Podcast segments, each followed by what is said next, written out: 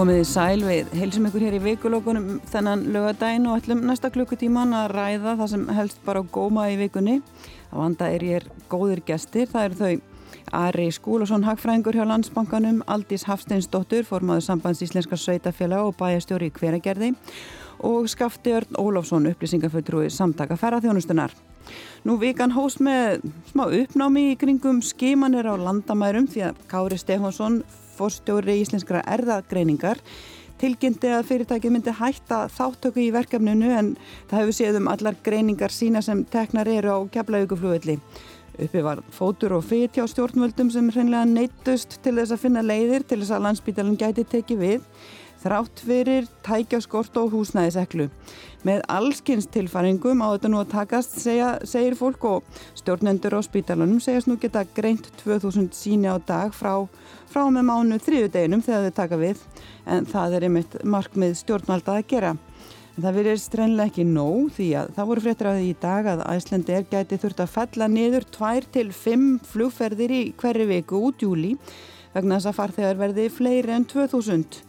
Æslandi er en með 8-12 komur flesta dagan í júli en, en þessi uh, niðurfellingar uh,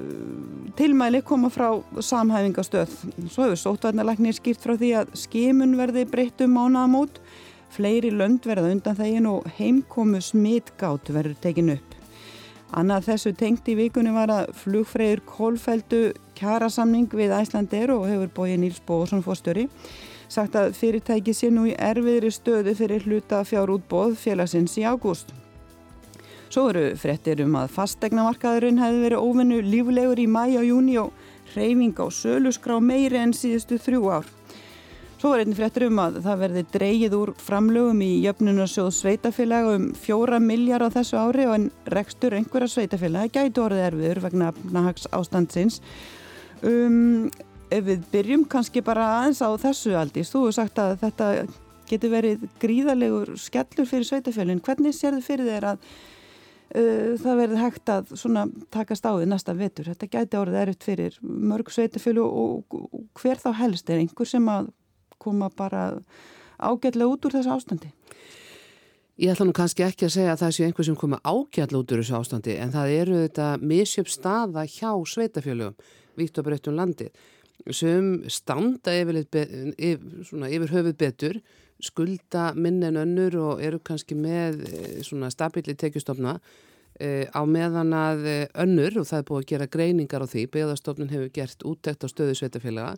og komist að því að það eru fimm sveitafélag sem eru svona sérst, í sérstaklega veikri stöðu og það er verið að e, vinna að e,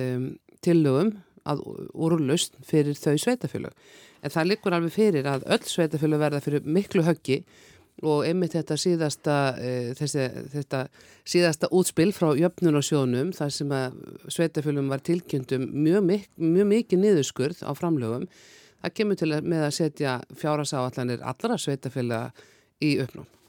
Hvaða sveitafölu er þetta, þessi fimm og, og hvernig séu fyrir verði hægt að koma til mót við þau? Það búið að ákveða sérstakka fjárvitingu til þessara svæða. Það eru 150 miljónir sem Ríkistjón hefur ákveða að setja til þeirra Þetta er, uh, þetta er Víkimýrdal eins og þið heyrðu hér í frettunum áðan. Það er alvarleg staða, þetta er Skaftárheppur, þetta er Höfni Hortnaferði, Skútustadarheppur og Bláskópið. En staða þessara fimm sveitafélag er líka misjöfn. Mm. Þannig að það er ekki sama sem er ekki á milli þess að þú að fyrir lendi í þessum hópin verandi með mikið atvinnuleysi og að staða þín sé þannig að ríkisjóður þurfa að grýpa sérstaklega inni. En það er aftur þú búið að setja fót starfshóp sem er að skoða þessi sveitafélag og auðvitað eh, erum við líka að skoða bara stöðu sveitafélagin í hildsinni og hvernig þau geta staðið eh, ströym og eh, greitt fyrir það þjónustu sem að íbúið svo sannlega búast við að fá. Skafti, nú uh, voru svona fyrirtæki ferðarþjónustu svolítið að vonast til þess að yrði einhver, uh, einhver svona... Uh, Já, svona ferðamenn sem áttu bókað þjónustu núna í lóksuma sem myndi skila sér einhverju leiti en það virðist vera sem að það sé ekki að raungerast. Uh, hvernig sér þið fyrir þið? Hvað er að koma í ljós með lóksumasins? Um, er ekki þetta að fara að gerast? Það er alltaf eitthvað að fara að gerast en staðan er gríðarlega alvarleg og þess að fréttir um, um takmarkanir á, á komum uh, uh, flugfélagi til landsins hrein, hreinlega vegna skimana takmarkana í, í leifstuður vonda fréttir. Uh, við hefðum frétti í fréttur á maðan þetta eru 2-5 flug hjá, hjá Æslandi er uh, við erum að heyra þá svo eru önnur flugfélag sem eru inn í þessari mynd þannig að þetta svona, getur verið 5-8 vilar á dag sem að hreinlega get ekki komið til Íslands út af uh, takmarkunum á skimunum. Þannig að við veldum fyrir okkur þessum tökur ferðarþjónustuna hvort það ekki komið að uh, þeim tímapunkti að aflétta þessum skimunum. Hreinlega fjölga hérna, þeim löndum sem er á þessum græna lista og við erum stundum kathalskar en páinn hér á Íslandi það kemur að ímsum málum og, og við höfum, höfum ekki gefið einn afslátt þegar kemur að skimunum og sóttvörnum núna í þessu fári og við erum að færa inn í fymta mánuðin í þessum COVID-málum. Þannig að eins og sé við höfum ekki gefið einn afslátt þegar kemur að heilsufarslegumálum en við þurfum líka að taka efnagslegumálun inn, inn í myndina. Og ef að framheldur sem horfir að hér eru við að takmarka ennfrekar komið ferðamann til landsins þá erum við að fara inn í enn dýbri lægð og sem hefur líka heilsufarsleg vandamál eins og aðtunuleysi og annað slíkt þannig að, þannig að hérna, við byrjum okkur þokkalega en hérna, staðan getur verið betri. Nú hefur sótarnarlækni gefið það út að þetta kom ekki til greina að gera þetta fyrir nú mánaðam út. Er eitthvað annað sem hægt er að gera? Sjáu er því í samtali við stjórnvöld um einhver úrræði varandi þetta? Já, við erum búin að vera í miklu samtali við stjórnvöld núna í, í, í þessum COVID-málum öllum og, og skímunum sérstaklega og hérna núna á að taka upp nýtt verklag, eða allan að búið að tala um það að taka upp nýtt verklag sem að gera það verkum að það er að taka svona e, síni í kipum e, það er að skala það verulega upp þannig að hérna það er, það er hægt að hérna, skima enn en meira en, en hérna, við erum að gera í dag þannig að það mun klárlega hjálpa til. En maður veldi fyrir sér á sama tíma og sko, stjórnvöld að vera að fara í veri að leggja ímis úrræða borðið í, í, í, í þessu ástandi. E, e, meðal annars að marka setja landið sem vanlegan áfokastað e, setja 1,5 miljard í það. Svo veitum við að Reykjavík borgar setja 150 miljónir í markasetningu önnu sveitafjölu sálsagt eitthvað Þannig að við erum að, á bensíninu að hvetja ferðarmenn til að koma til landsins en á sama tíma erum við á bremsin, bremsunni. Þannig að þetta er einhvern veginn gengur ekki alveg upp. Þannig að eins og segi við erum með, þarna höfum við verið að standa okkur gríðarlega vel. Við erum búin að skima um, nú skimum staðið í 25 daga. Við erum að skima um 30.000 síni í lefstöð. Af þessum 30.000 eru 12 virksmitt og mikill meðluta þeim eru Íslendingar að koma til Íslands. Þannig að þetta eru ekki ferðamenn sem eru að koma með smiti til hansins, alveg eins og gerðist hér í vor. Þannig ferðarþjónustan er í rauninni kalla eftir því að þessum áformum um breytingu á fyrirkomulagi á skimunum verði flýtt. Já, í rauninni. Ari, hvernig horfur þetta við þér? Nú er svona aðeins að koma í ljós hvernig þetta sumar er að leggjast og, og eins og við höfum aðeins farið yfir þá er staðan graf alvarleg og uh, alls ekkert ljóst hvernig, hvernig veturinn verður. Hvernig horfur þetta við, við, við þér? Ég þetta náttúrulega horfið mér að það er óvissa framöndan en svona frekar með, með neikvæðum unditón sko út frá því sem að, því vorum að tala um hérna áðan samhengið á milli heilsu þjóðarinnar og efnarslífsins þá tóku við eða var tekið svo ákvörðun hér á landi að taka heilsuna fram yfir í upphafi og ég held að það hefði verið skeinsalegt og síðan er smá saman verið að slaka á og við höfum séð sumstaðar þar sem hefur slaka full mikið á og þar kemur bakslag og það er náttúrulega eitthvað sem við vildum eh, hérna losna við. En það er auðvitað erfitt að tala um þetta sko, mér finnst að sumuleiti sko hérna yfirvöld festa sig allt og mikið á einhverja ákveðna tímafresti, einhverja ákveðna daga og svo fannst maður eitthvað sem maður átt að sigja sjálfur en það er náttúrulega maður ekki sérstaklega kunnáttu maður á þessu sviði. En hvað varðar sko, efnaðslífið almennt þá held ég að, að það verði þungt framöndan við erum með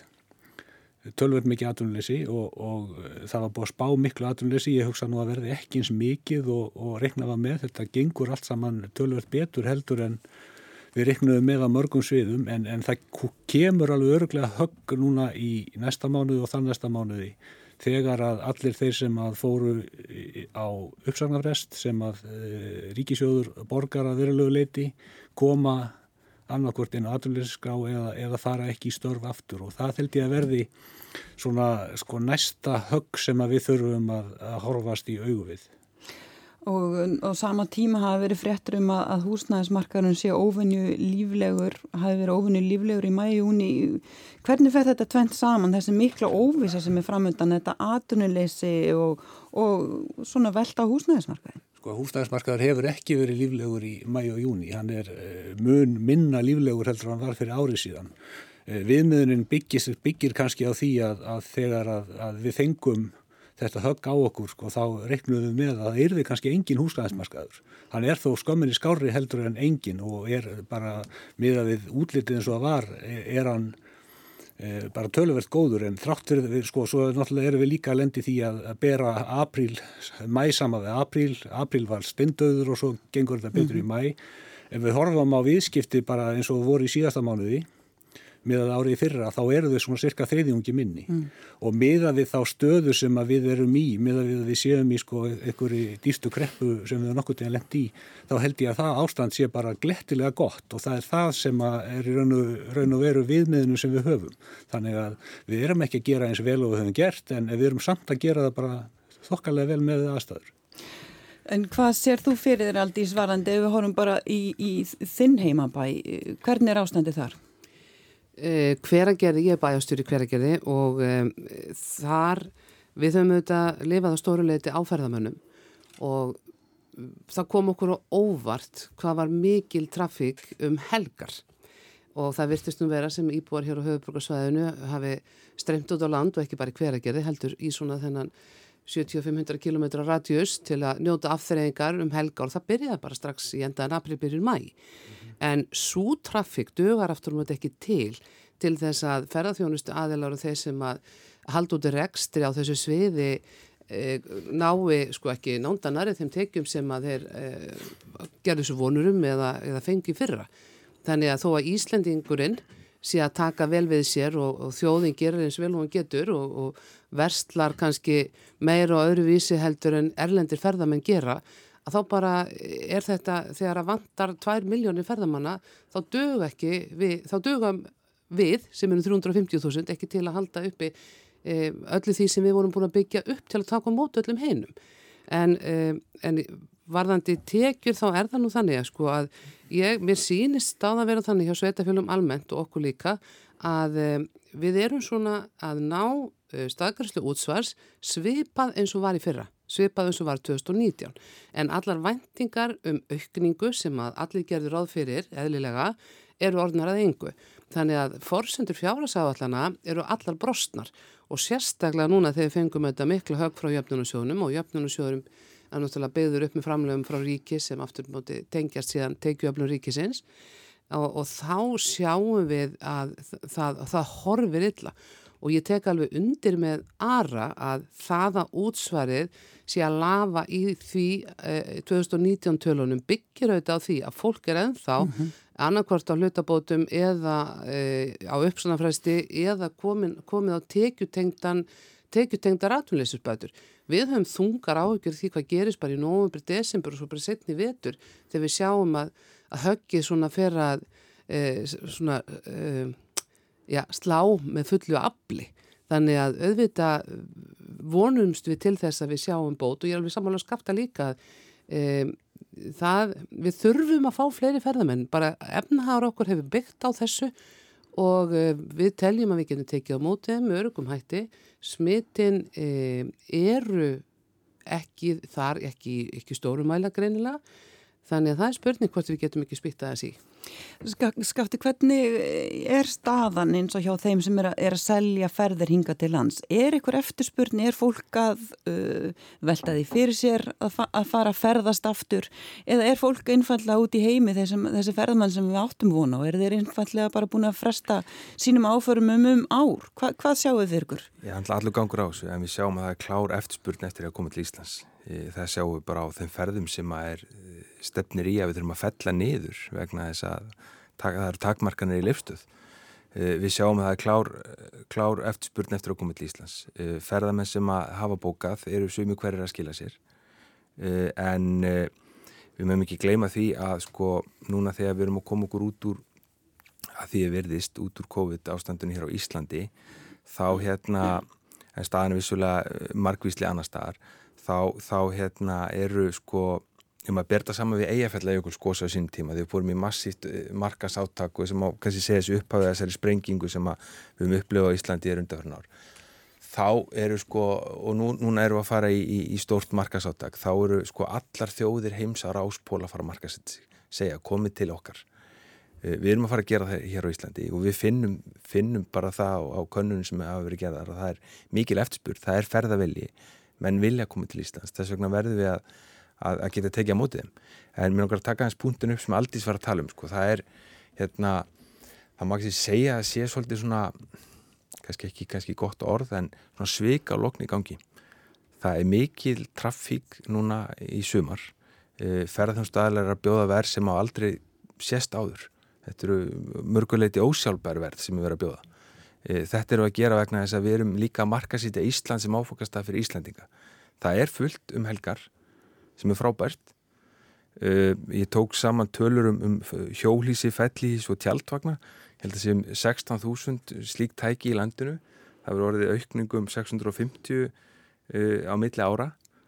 En þetta eru aðilar sem er ekkert endilega að koma í, í, í gistingu og mat. Þetta eru aðilar með gistingun eftirdrægi og matin í skottinu. Uh, þannig að jú, það er líf og fjör víða um land. Uh, geta upplifa landi sitt núna uh,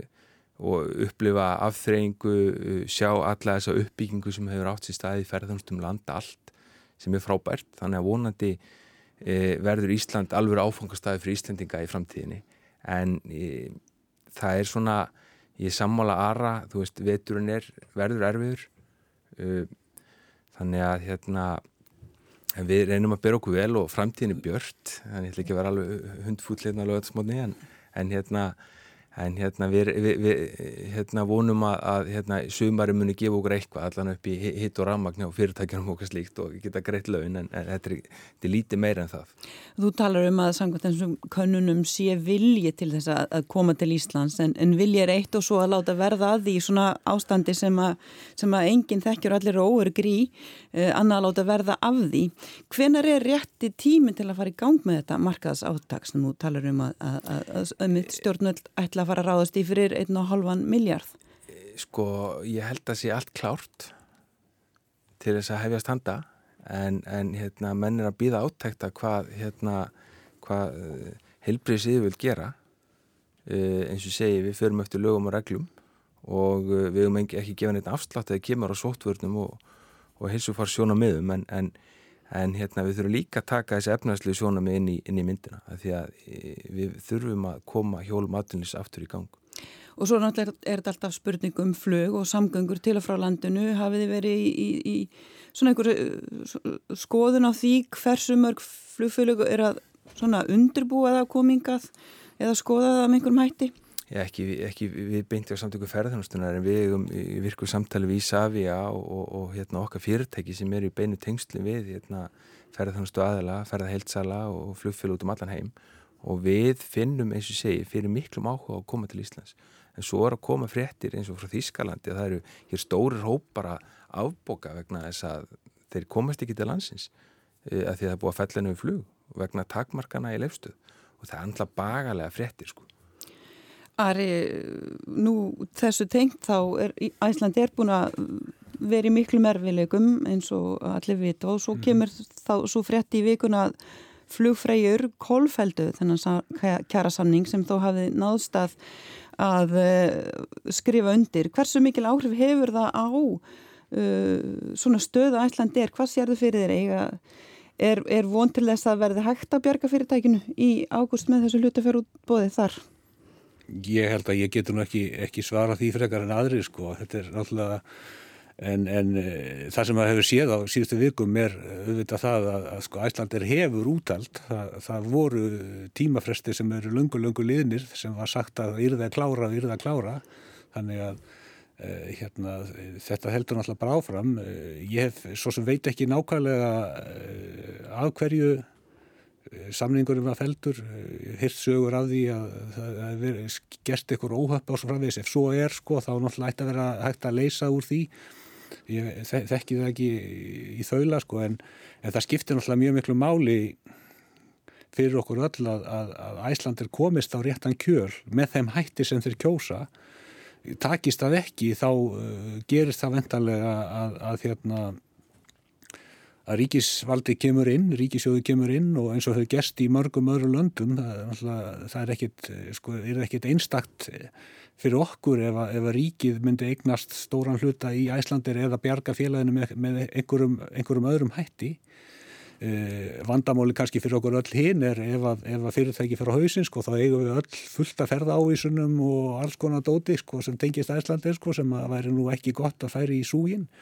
en, en e, þetta er náttúrulega bara eitthvað sem að, sem að við þurfum að, að fylgjast með. Þetta er, er eiginlega ómögulegt, ómögulegt um það að segja sko. Og, og e, bóið segir hans í bjartsýtn og ég get alveg tekið undir með honum og sagt þess svo að ég sé bjartsýtn á að þetta takist með, með einum öðrum hætti. En ég held að skipti mjög miklu máli að fyrirtæki geti haldið áfram í svona álíka formi eins og það er núna sko. það, við megum ekki missa svona fyrirtæki yfir í það að verða sko ríkisfyrirtæki, það, það er ekki, ekki gott til lengdar. Og eðlega er ákveðið líkil atriði fyrir upp að, að, að komist að, að takist að koma að færa þjónustun aftur í, í gang í haust og í vetur að Æslandi er flúi áfram á milli Eh, Íslands og annar landa vegna það er ekki í rauninni svo segir skaft er ekki hægt að treysta á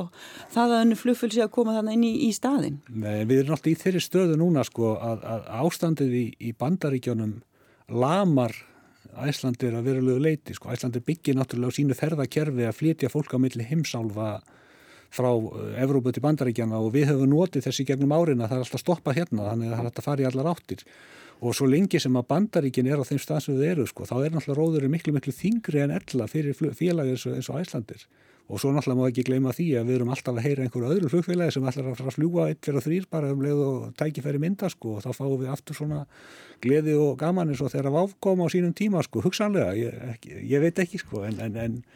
En þetta er náttúrulega, e, e, sko, óvissan er náttúrulega svo mikil að mörgum sviðum og kannski sko ekki síst með bandaríkin, sko, hvenar fara bandaríski ferðarmenn að koma að hinga, sko, það skiptir náttúrulega verulegu máli fyrir, fyrir magnið, hversu margir hausar koma og, og svo framvegi, sko. Skafti, hversu, hversu mikilvægt er það fyrir ferðarþjónustunum? Það bara skiptir öllu mála að Æslandin á sér á strikk. Það er Æslandir hefur verið leikið líkil hlutverk í uppbyggingu hérna, ferðarþjónustunar á, á leðnum árum og í raun áratugji Eh, þetta er algjör lífæð hérna, fyrir okkur ásöndu öðrum flugfélögum og við fögnum öllum sem hafa áhuga á að, að komin á flugmarkján á Íslandi hvort sem það er play eða, eða, eða fleiri og, og bara fögnum því og vonandi komast þér í loftið. E, og við höfum fulla trú á því á samtöku ferðarþjónustunar en e, e, eftir sem áður að Íslandi er algjört líkil fyrirtæki í, í áframbaldandi uppbyggingu ferðarþjónustunar og en þeir er náttúrulega búin að vera miklum erfileikum með, með maksvélarnar og og búin að vera erfum kjara samningu við, við flugstjættinnar við náðum samningu við flugmenn en, en, en flugfröður kólfældu samningi eins og lág á borðinu. Samning sem að má segja að hafi veitt að minn bestu kjör flugfröði í Evrópu. Þær fældu þann samning og maður hlýtur að klóra sér haust með yfir slíku. Þannig að það er svona E, já, ég, er sammála búa að, að við erum hérna, bjart sín fyrir framtíðina en, en hérna, það verður að hérna, Æslandir verður að vera áfram uh, líkil fyrirtæki í uppbyggingu ferðanast á Íslandi. Aldís, er þú, já, bjart sín, hvað geta þessi sveitafélög gert sem eru, já, ekki kannski bara þau sem eru í mestu vandræðin, þau sem að, bara er að horfa inn í mikinn tekið missi í vetur og mikið aðunleysi, lekkað útsvar og annað Hvað getur sveitafélagi gert? Um, eins og ég saði áðan þá var staðan mjög misjöfn. Uh, við höfum, þetta er ekki fyrsta skipti sem við upplöfum kreppu og uh, ég var bæjastjóri líka í rauninu og uh, sko, kostur íslensku þjóðarinnar, og nú veit ég þetta hljómar eins og klísja, er þessi þrautsega og þessi segla og þessi bjartsinni sem gerir að verkum að við veljum að búa í þessu landi sem er langt frá öllum með erfiðar samgöngu, æðar með vond veður og, og svona alls konar áskoranir sem við erum nú faktisk bara þokkalega góði að kljást við. Og ég hef fulla trú að því að við gerum það líka. Og ég ætla að taka undir það sem hér hefur verið sagt varðandi bjart sín á framtíðina og það að við munum standið af okkur. Því að eh, eins og ítrykkað hefur nú komið fram í umræðum að þá, það sem að dró fólk til Íslands e, bara í fyrra og hitti fyrra er áfram til staðar Þannig að við þurfum bara að halda utanum innviðana og sveitastjórnamenn ringin í kringu landið kunna þetta og þeir munu standa vörð um þjónustu við íbúa. Við munum eins og við gerðum eftir hrunnið e, síðast standa vörð um störfin eins og við mögulega getum og sveitafjölu hafa líka spýtt í varðandi frekari fjárfestingar til þess að halda eh, hjólum aðtunulífsins gangandi. Það er verið að fjárfesta fyrir fleiri, fleiri, fleiri miljardar á vegum sveitafélagana og þar til dæmis skiptir gríðalögum máli að eh,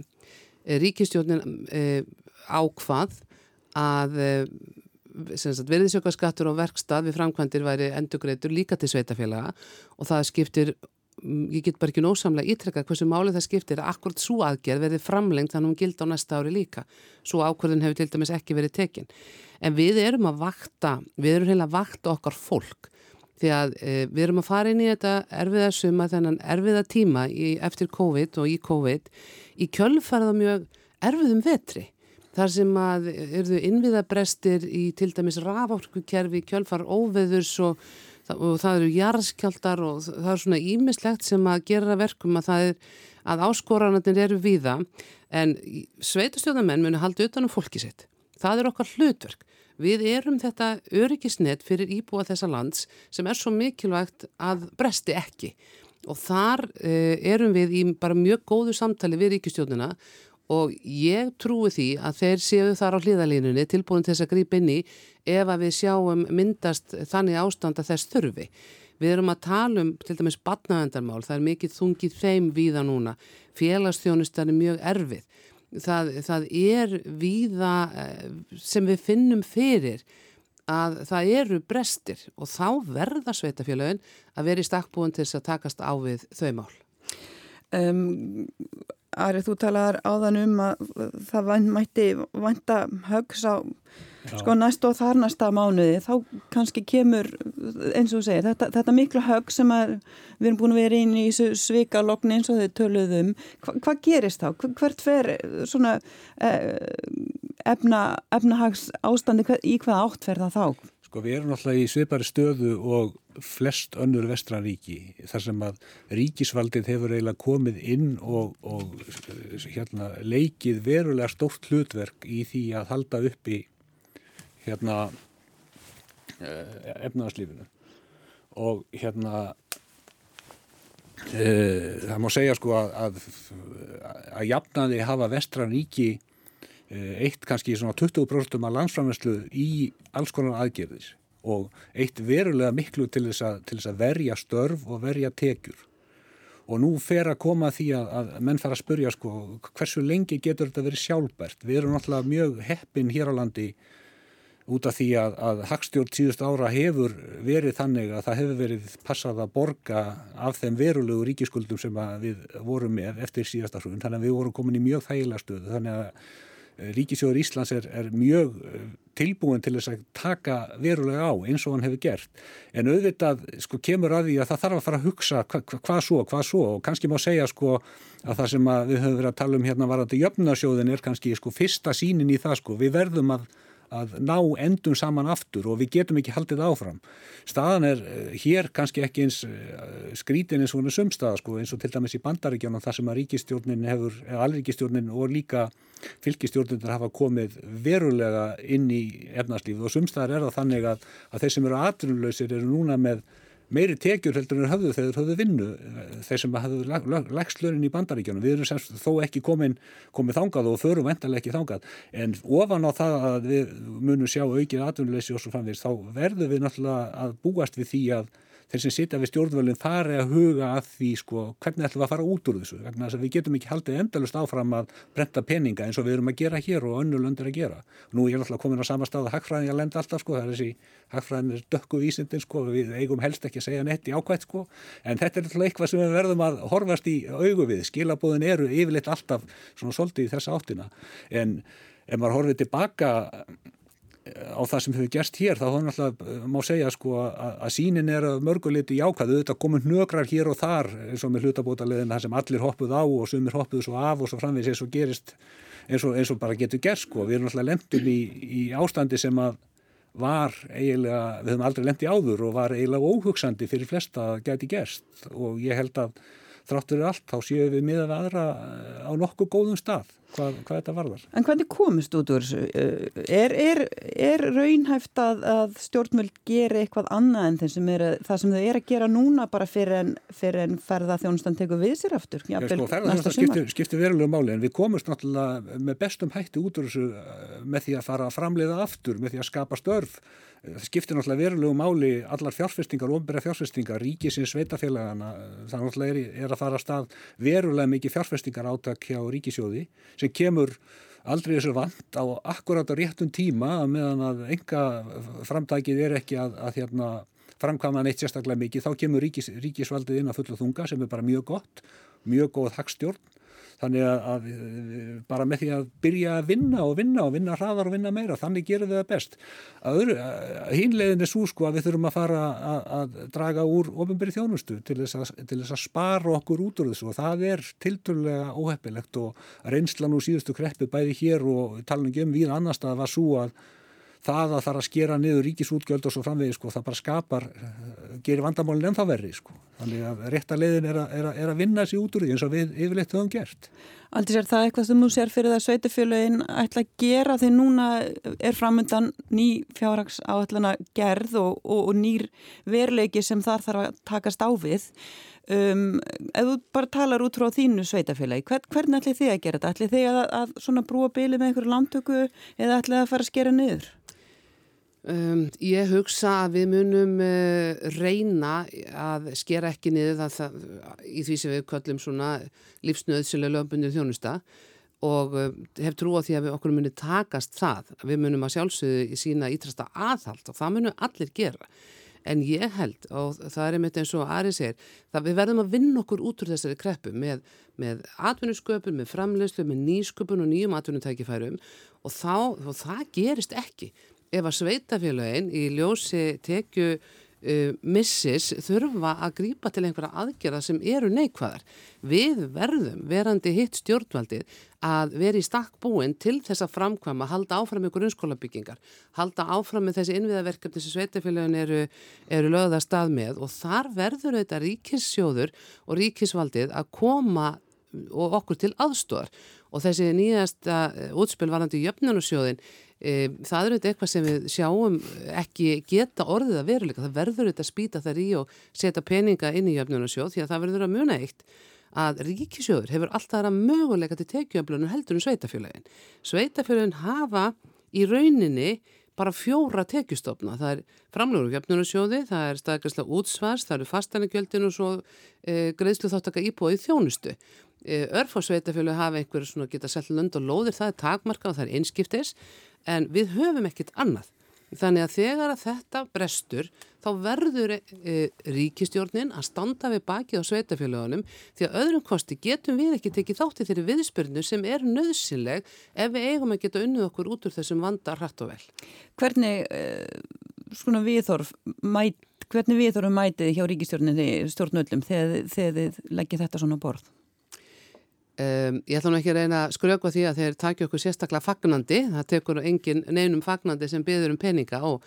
og við fáum rétt eins og allir aðrir að heyra það ríkissjóður stefni gríðarlegan halla og við vitum það alveg. En ríkissjóður er í betri stöðu til þess að takast á við það heldur en veikburða sveitafjölög sem að hafa enga burði til þess að auka tekju sínar. Þannig að um, við eigum í þessum viðræðum og ég ætla samt að segja það að við eigum í mjög góðum viðræðum með mjög náið og þjætt samstarf viðráð þeirra e, þannig að ég hef fulla trú á því að þegar að við þurfum á því að halda og það fer að kreppa að að þá standir við baki á sveitafélagunum. Þannig að þú hefur trú á því að þarna mæti að minnst okkur til skilningi? Já, mér finnst það. Skafti, við tölum aðeins um sko stöðu... Má ég að skripa bóltan frá allt þessi? Ég er hérna, góð yfirferð. Ég held að þið geti gert meira í sig á sveitafélagunum. Ég held að, sko, þú talar um tekistofnuna e, útsvarið og fastakungjöldin tengjast ferðarþjónustunni e, eitt besta byggðatæki sem að hefur sveitafélun landinu að fengja á síðustu árum er ferðarþjónusta hefur hleyft lífi í uppbyggingu sveitafélag að skapa störfin sem töpust eftir hrun og svo framvegs og framvegs við hefum viljað heyra meira frá ykkur núna í kjölfar COVID-kreppunar e, með því að ekki bara fresta fastakna skoðum, heldur bara lækka þau maður, maður veldi fyrir sér sko hvort kemur undan hænan eða ekkið með því að lækka fastegnangjöldin e, þá getiði hleyft lífi í,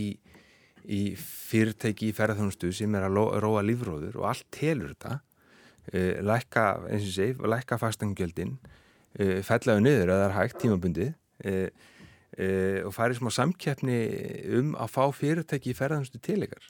laða fyrirtæki að ykkur og allt hefur þetta áhrif á að þá skapa störfin og halda í það sem þú, þið hafið nú þegar. Þannig ég held að við þurfum að halda þessu samtala áfram.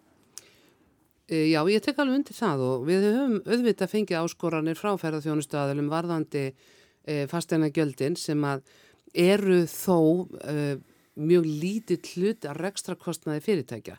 en skipta mjög mjög máli fyrir rekstur sveitafélagana En uh, við hjá sambandi Íslenska sveitafélag, við höfum ekki getað uh, uh, skipað sveitafélagunum fyrir í þessum verkum en við aftur á mótu hefum gefið út bæði álutum það að, að fasteignagjöldi myndi ekki hækka á milli ára og núna eru við líka að sjá að það er komið nýtt fasteignamat þar sem að fasteignagjöldi eru víða að lækka eða standi í stað. Þannig að ég held að sveitafélagur hringin í kringum landið eins og þau hafa gert undanfarin ár. Fjöldi sveitafélaga er búið að hefur uh, skrúað niður þar hækkanar og fastegnamati sem að ella hefðu valdið hækkum fastegnagjöldum, jáfnveil tekið það niður í null og, og jáfnveil lækkað. Og það er bara ákveðan og hverjum stað fyrir sig hvernig verður gripið þar til og við getum ekki gefið út einhverja uh, eina línu hvað það varðar en ég held að sveitastjórnamenn og hverjum stað munu skoða þetta mjög vandlega. Og fastegnamatið það mun líka stilla þetta af sjálft. Og ég held ef þetta er rétt sem Ari segir að markaður sé ekki af góður eins og við höldum að þá munum við sjá það í fastegnamati næstu ára að, að fastegnamat mun lekka og þar að leiðandi fastegna gæld. Sko það vona að verði ykkur fyrirtæki sem að geta þá borga fastegna skatta vegna þess að þau eru að eins og segi róa lífróður uh, allt telur þetta þannig að hérna, við skulum halda þessu samtala. Eða ekki spurning og sveitafélagin almennt eru líka í markasetningu, ég hef alveg séð það að það eru bara dundrast á mann auglýsingar frá hinnum á þessu sveitafélagum um að það væri gott að koma í heimsókn. Sem er frábært. En skeftu, í varandi fyrirtækin heimitt, uh, hvað sér þau fyrir þér uh, að stór hluti fyrirtækja munu ekki lifa þetta af? Ómöld að segja. Uh, það eru um 4.000 fyrirtæki í ferðarþjónustu á Íslandi. Uh, mikill meirulhutti þeirra er einhvers konar hýsing um starf eða, eða fástörf uh, en, en, en sko megin þóri fyrirtækja í ferðarþjónustu eru lítil og meðastorf fyrirtæki með tíu starfsmenn í kringum tíu starfsmenn eitthvað slíkt. E, þar, nú þegar hafa fyrirtæki farið í þrótt, við hefum séð saminningar, samrunna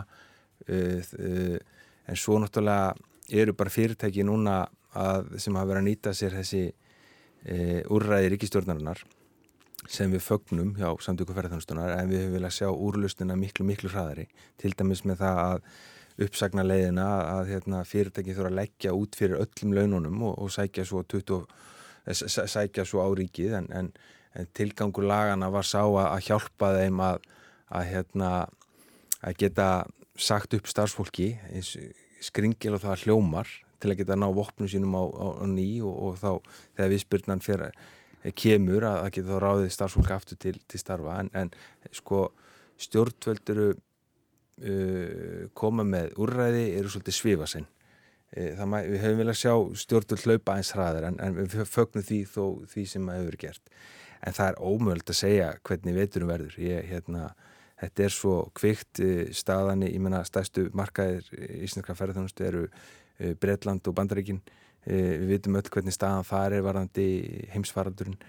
Við vonum að, að þess, þessar þjóðir náðu sér á strikk að því að þetta eru hérna, okkar vermatustu uh, fisktegundir ef maður tekur líkingamálið. En uh, það er bara ómöld að segja. E, hérna, sumarið er, það er, er líf og fjörunni sumar, það er eins og aldís komin á áðan það er hérna, fullt við á land. En uh, bara til að, til að setja í samhengi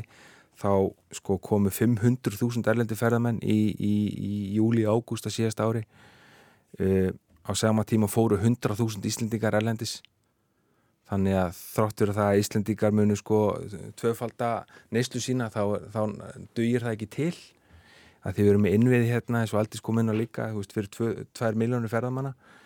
Uh, núna í júni fóru 11.000 voru 11.000 brottfæri núna í, í, í, í júni í lefstöð uh, þar af helmingur íslendingar. Þannig að þetta er brot og brot af því sem var. Þannig að það er ómöld að segja hvað gerist en, en, en ég held að, að sko hvað þarf að gera til að koma viðspyrtun aftur í gang. Ég held að við þurfum að aflétta uh, skímanunum til að, til að ná einn meiri tekið núna yfir sumatíman að því að sumatímin er hábjargræðistími fyrirtæki ferðanstu nú er það að ná inn, inn teikjónum, sérstaklega fyrirtæki á landsbyðinni í, í sveitafölugum eins og Viki Myrdal, þessi nýja okkur en tíu íbúin sveitafölusins tengjast ferðarþjónustu einn og annan hátt eiga allt undir ferðarþjónustu uh, núna er hábjargræðistímin og fyrirtækin er að lifa á þessum teikjum yfir veturinn. Uh, því, er, því er ekki til að dreifa í dag. Þannig að við vonum að, að staðan verð ekki einn stökk og, og, og hún lítur út fyrir að vera. En, en hérna en eh, aftur við erum mjög bjart sín til framtíðar. Ísland er frábær áfokastæður uh, í þessari COVID uh, COVID faraldri þar sem að fólk er í einangrun uh, vikum saman út um allan heim og, og við höfum verið að kvarta hér á Íslandi að komast ekki hérna þurft að fara í einangrun og okkar slíkt sko. Þá er bara staðan hér allt, allt önnur heldur en við erum að sjá og upplefa annar staðar. Þannig ég held að sko heimurinn sé uh, muni endurmeta stöðuna, ferðast öðruvísi, þá held ég Ísland verið frábær áfangastæður, við erum hér með výðarni, e, reynd vatn,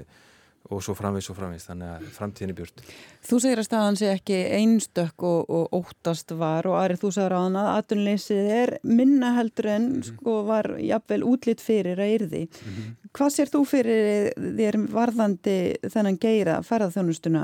miða við þá, þá fórsöndur sem við höfum núna? Um,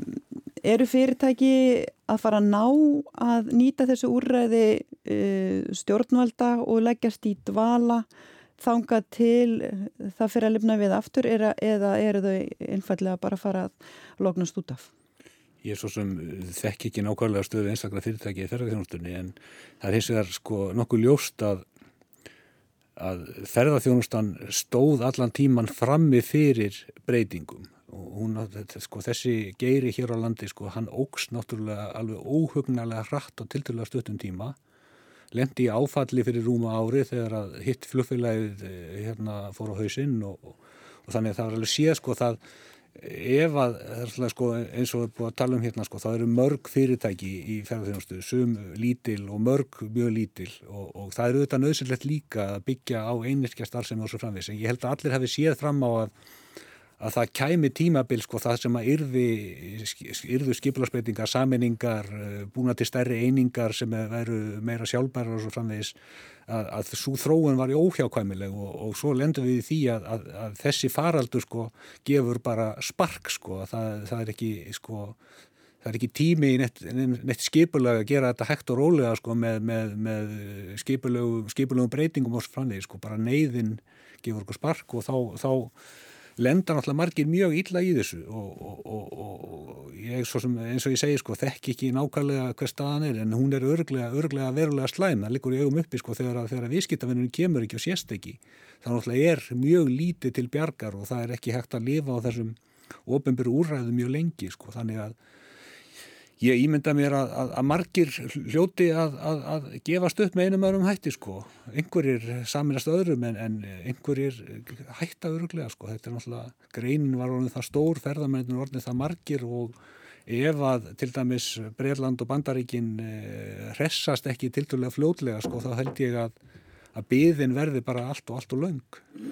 Hvað hva, hva geta stjórnvöld gert núna? Nú verður þið búin að kynna aðgerðapakka eftir aðgerðapakka eftir aðgerðapakka sem var svona ætla til þess að bregast við þessu neyðar ástandi sem var komið upp en nú komið svona ákveðin svona byggtími. Hvað, e, hvað á stjórnvöld að gera næst? Ég held að sko því miður held ég að staðan verði svipuð hér og annar staða sko að stjórnvöld fara fljóðlega að segja sko við erum bara búin að gera það sem að hægt að, hægt að gera sko og ég held að allir geti verið sammála því að að stjórnvöldu hér eins og annars það tósta bjargi hótt sko, það, það, hérna, það, við fengum ekki águm mark sko, við, við frestuðum og, og eh, ég ímynda mér að sko nú hefur við eftir að sjá sko ofenbyrju fjárlögin, það er alltaf allt kerfið þar með hérna, fjármálaáallun og, og fjármálastefnu og svo framvegis var sett á ís og núna er verið að vinna hörðum höndum að því hjá uh, ríkisvallinu að búa til fjárlög fyrir næsta ár og búa til plan fyrir næstu fjögur árin sem er alltaf hrundi allt saman. Og ég held að, að þar hljóti menn að huga mjög verulega því sko hvernig förum við að þetta leiðina tilbaka þannig að það kemur mér ekkit á óvart sko að, að tími einhverja stóra úræða sé bara hreinlega liðin og, og menn fari að hugsa sko nú þurfum við bara að halda í horfinu. Nú, nú er komið að greininni sjálfri eða greinunum sjálfum, það er alltaf fleiri greinar að skipulegja sig og, og, og vinna úr þeirri stöðu sem er komin upp Hvað skinsanlegt fyrir, fyrir ríkissjóða að gera í þessari stöðu þegar þú horfa fram á bara næsta ári í fjárlagerð og svo fjögur ár fram í tíman? Þú talaður um að þessa framkvæmdir sem að ríkissjóður er að fara aðast í var gríð, er gríðilega mikilvægur í, í þessu efnæðs ástandi eða er að spýta enn meir í lófana þar? Eða er að hætta, hækka atunlýsinsbætur til að halda upp í neyslu? Eða er að forðast að skera niður þjónustu hvað er rétt að, að gera í, í þessari, þessu ástandi? Sko það er ekki augljóst hvað er rétt sko, það eru margar, margskonar afstöður sko.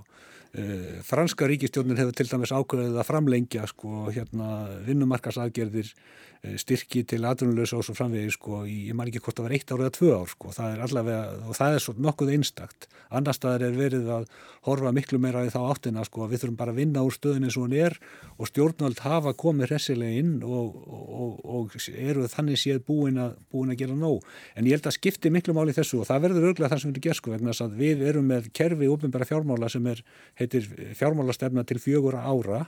og ég held að að það plagg komið til með að skipta miklu máli vegna þess að við erum ekki að sko einhverju skamtíma vandamálum, við erum í langtíma vandamálum og hvernig það lítur út, það er náttúrulega hérna, stefna sem gildir bæði fyrir ríkisjóð og sveitafélagin eða öll ofinböru fjármálin. Svo stefna skiptir verulega miklu máli, hún verður búin til núna í sumar samhliða fjárlagunum fyrir, fyrir næsta ár En þetta er náttúrulega, sko, skoðavendin á þessu eru, eru margar. Sumir bara að segja sér svo að það er búið að gera nóg, það er ekki hægt að gera meira, nú verður það bara aðeins sjálfur að leysa þetta. Og aðrir segja, sko, við erum ekki komin yfir sásaukamörkin, við þurfum að halda áfram. Og þetta er ekki, þetta er umræða sem að á ekki bara við hér, hún á, á heima í, eða fer fram í löndunum í kringum okkur, sko, við erum náttúrulega bara í svipari stöðu og aðrir. Og kannski ef maður horfir á hildarmyndina fyrir allt efnaðarslífi sko, þá eru við mörguleiti verri stöðu vegna þess að við erum með stærri ferðarþjónustu heldur en flest þau ríki sem við berum okkur sama við. Þannig að höggið á okkar hagkerfi er stærra má kannski segja sé sambarilegt eins og var sko þegar eh, hérna, sílding kvarf 1967 og svo framvegist þá voru við náttúrulega bara með eina grein nú voru við þó með þrjár greinar eh, við erum með sjáurútvegin og álframlistuna og ferðarþjónustuna og nú klikka ferðarþjónustuna og ferðarþjónustuna var orðin stærst sko. fyrir nokkurum árum var hún minnst af þessu og nú er hún stærst að, og við erum með sko álíka stóra ferðarþjónustu eins og ríki eins og svona litlar eigjar eins og Malta og svo framvegi sko. þó að Spátn og Frakland séu ferðarmannalönd mikil ferðarmannalönd sko, þá, þá spilar ferðarþjónustun ekki eins stórt hlutverk þar eins og hjá okkur og kannski má segja að við vorum rosalega fegin og heppin að ferðarþjónustan dró okkur upp úr síðustu kreppu en eh, hinliðin af því er að ferðarþjónustan er að draga okkur niður núna heldur en eða hefði orðið sko þannig að þetta er, það er ekki bæðið sleft og haldið í þessu sko Það er kannski, ég má gríma að bolta, það er náttúrulega ekki ferðarþjónustan sem er að draga okkur niður, það er heimsfaraldur sem er að draga okkur niður. Það, það, það hún skiptir miklu máli já, hérna. Já, hún skiptir greiðlega máli alveg rétt, en, en ég held að sko að það er mest nýsköpun undarfæran ár hefur verið í ferðarþjónstu eh, það er búið að, sko, þetta er greinin sem skapaði störfun eftir hrunnið eh, hefur gert það verkum að, að, að sveitafjölu hafa ná vopnum sínum á nýjanleika eftir að sko sílding kvarf og svo framvegis við á land og, og, og, og menn hafa eru brestur í landbúnaði og svo framvegis þá hefur ferðarþjónstum komið upp og blómka, blómka byggðin og landalt, þannig ég held að leiðin út úr þessari kreppusjörun erum í núna er einfallega ferðarþjónustan. Uh, við erum að fá brota brot af þeim ferðarmenn sem er á ferðum heiminn. Ferðarmenn mun ekki hægt að ferðast, það mun breytast einhvern veginn, en uh, við eigum öll tól og tæki til þess að ná opnum okkar rætt á nýja leik. Það mun ekki gerast á næstu tólmónum, þetta mun taka lengri tíma, en ég held að við eigum að, að sjálfsögðu að horfa til annara atvinnugrenna en við þurfum að, við mögum ekki líta á ferðunustuna eins og einhverja síld sem kvarf þegar var ofveið og svo framvegs þannig að hérna, ég held að við höfum að setja tröstu okkur á ferðarþjónustuna. Aldís, fyrir maður þessi nýsköpun og, og hlutverk sveitafélaga þar.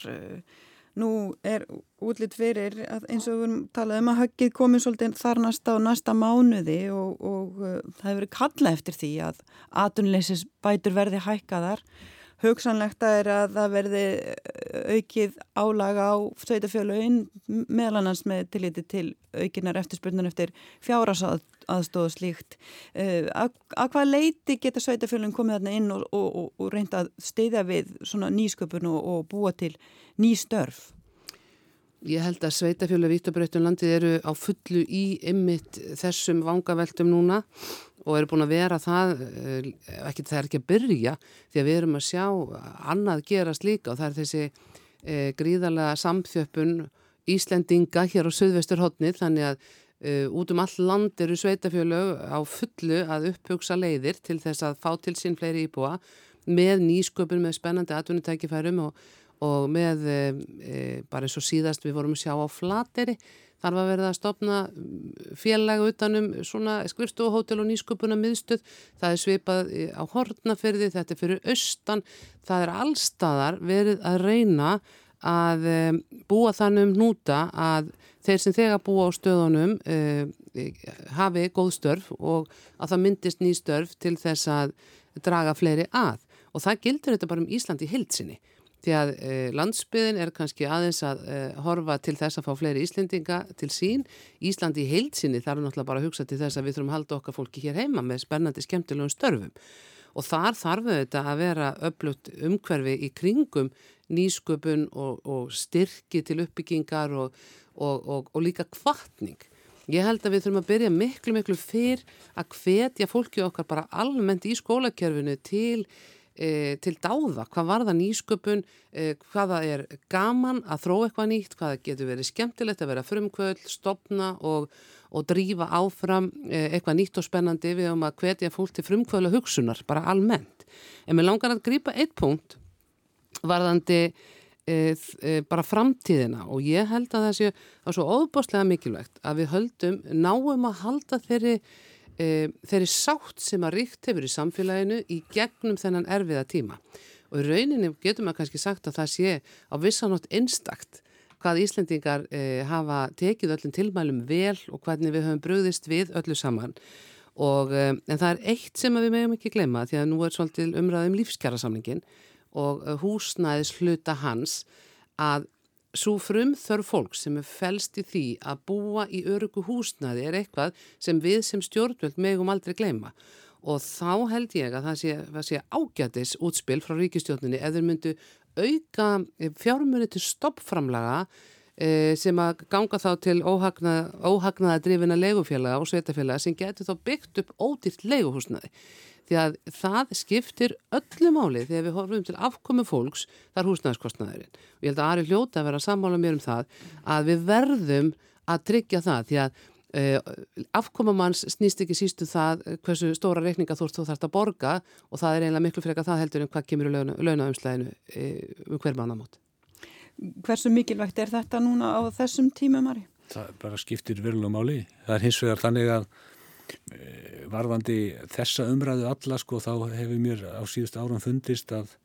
það er sko það er gefin stærð alltaf í allir umræðu að þörfin sé mjög mikil. Uh, mér finnst eins og að hérna það hef ekki verið skoða nógu vel. Við vitum að nú er búið að byggja óhugnalega mikið af húsnaði það er fullt af íbúðum og almennt er talið að það er íbúði passi ekki fyrir þá þörf sem er uppi. Fólk vil einfaldar að minna og umfram allt ódýrar auðvita þannig að, að hérna, ég er alg, algjörlega sammála því sko að þessar, þessi viðleitni að, að, að reyna að byggja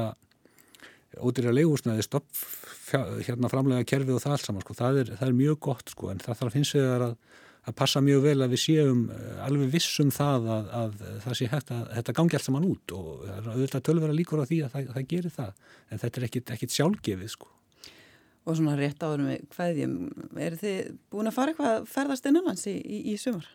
Skafti, erst þú búin að fara mikið? Já, ég er búin að fara svona tvær, tvær helgar svona skottúra en ég ætla að taka stóra túrin í hérna ágúst, með, fara með fjölskyldunni hérna hringin en hérna og nota ferðagjöfuna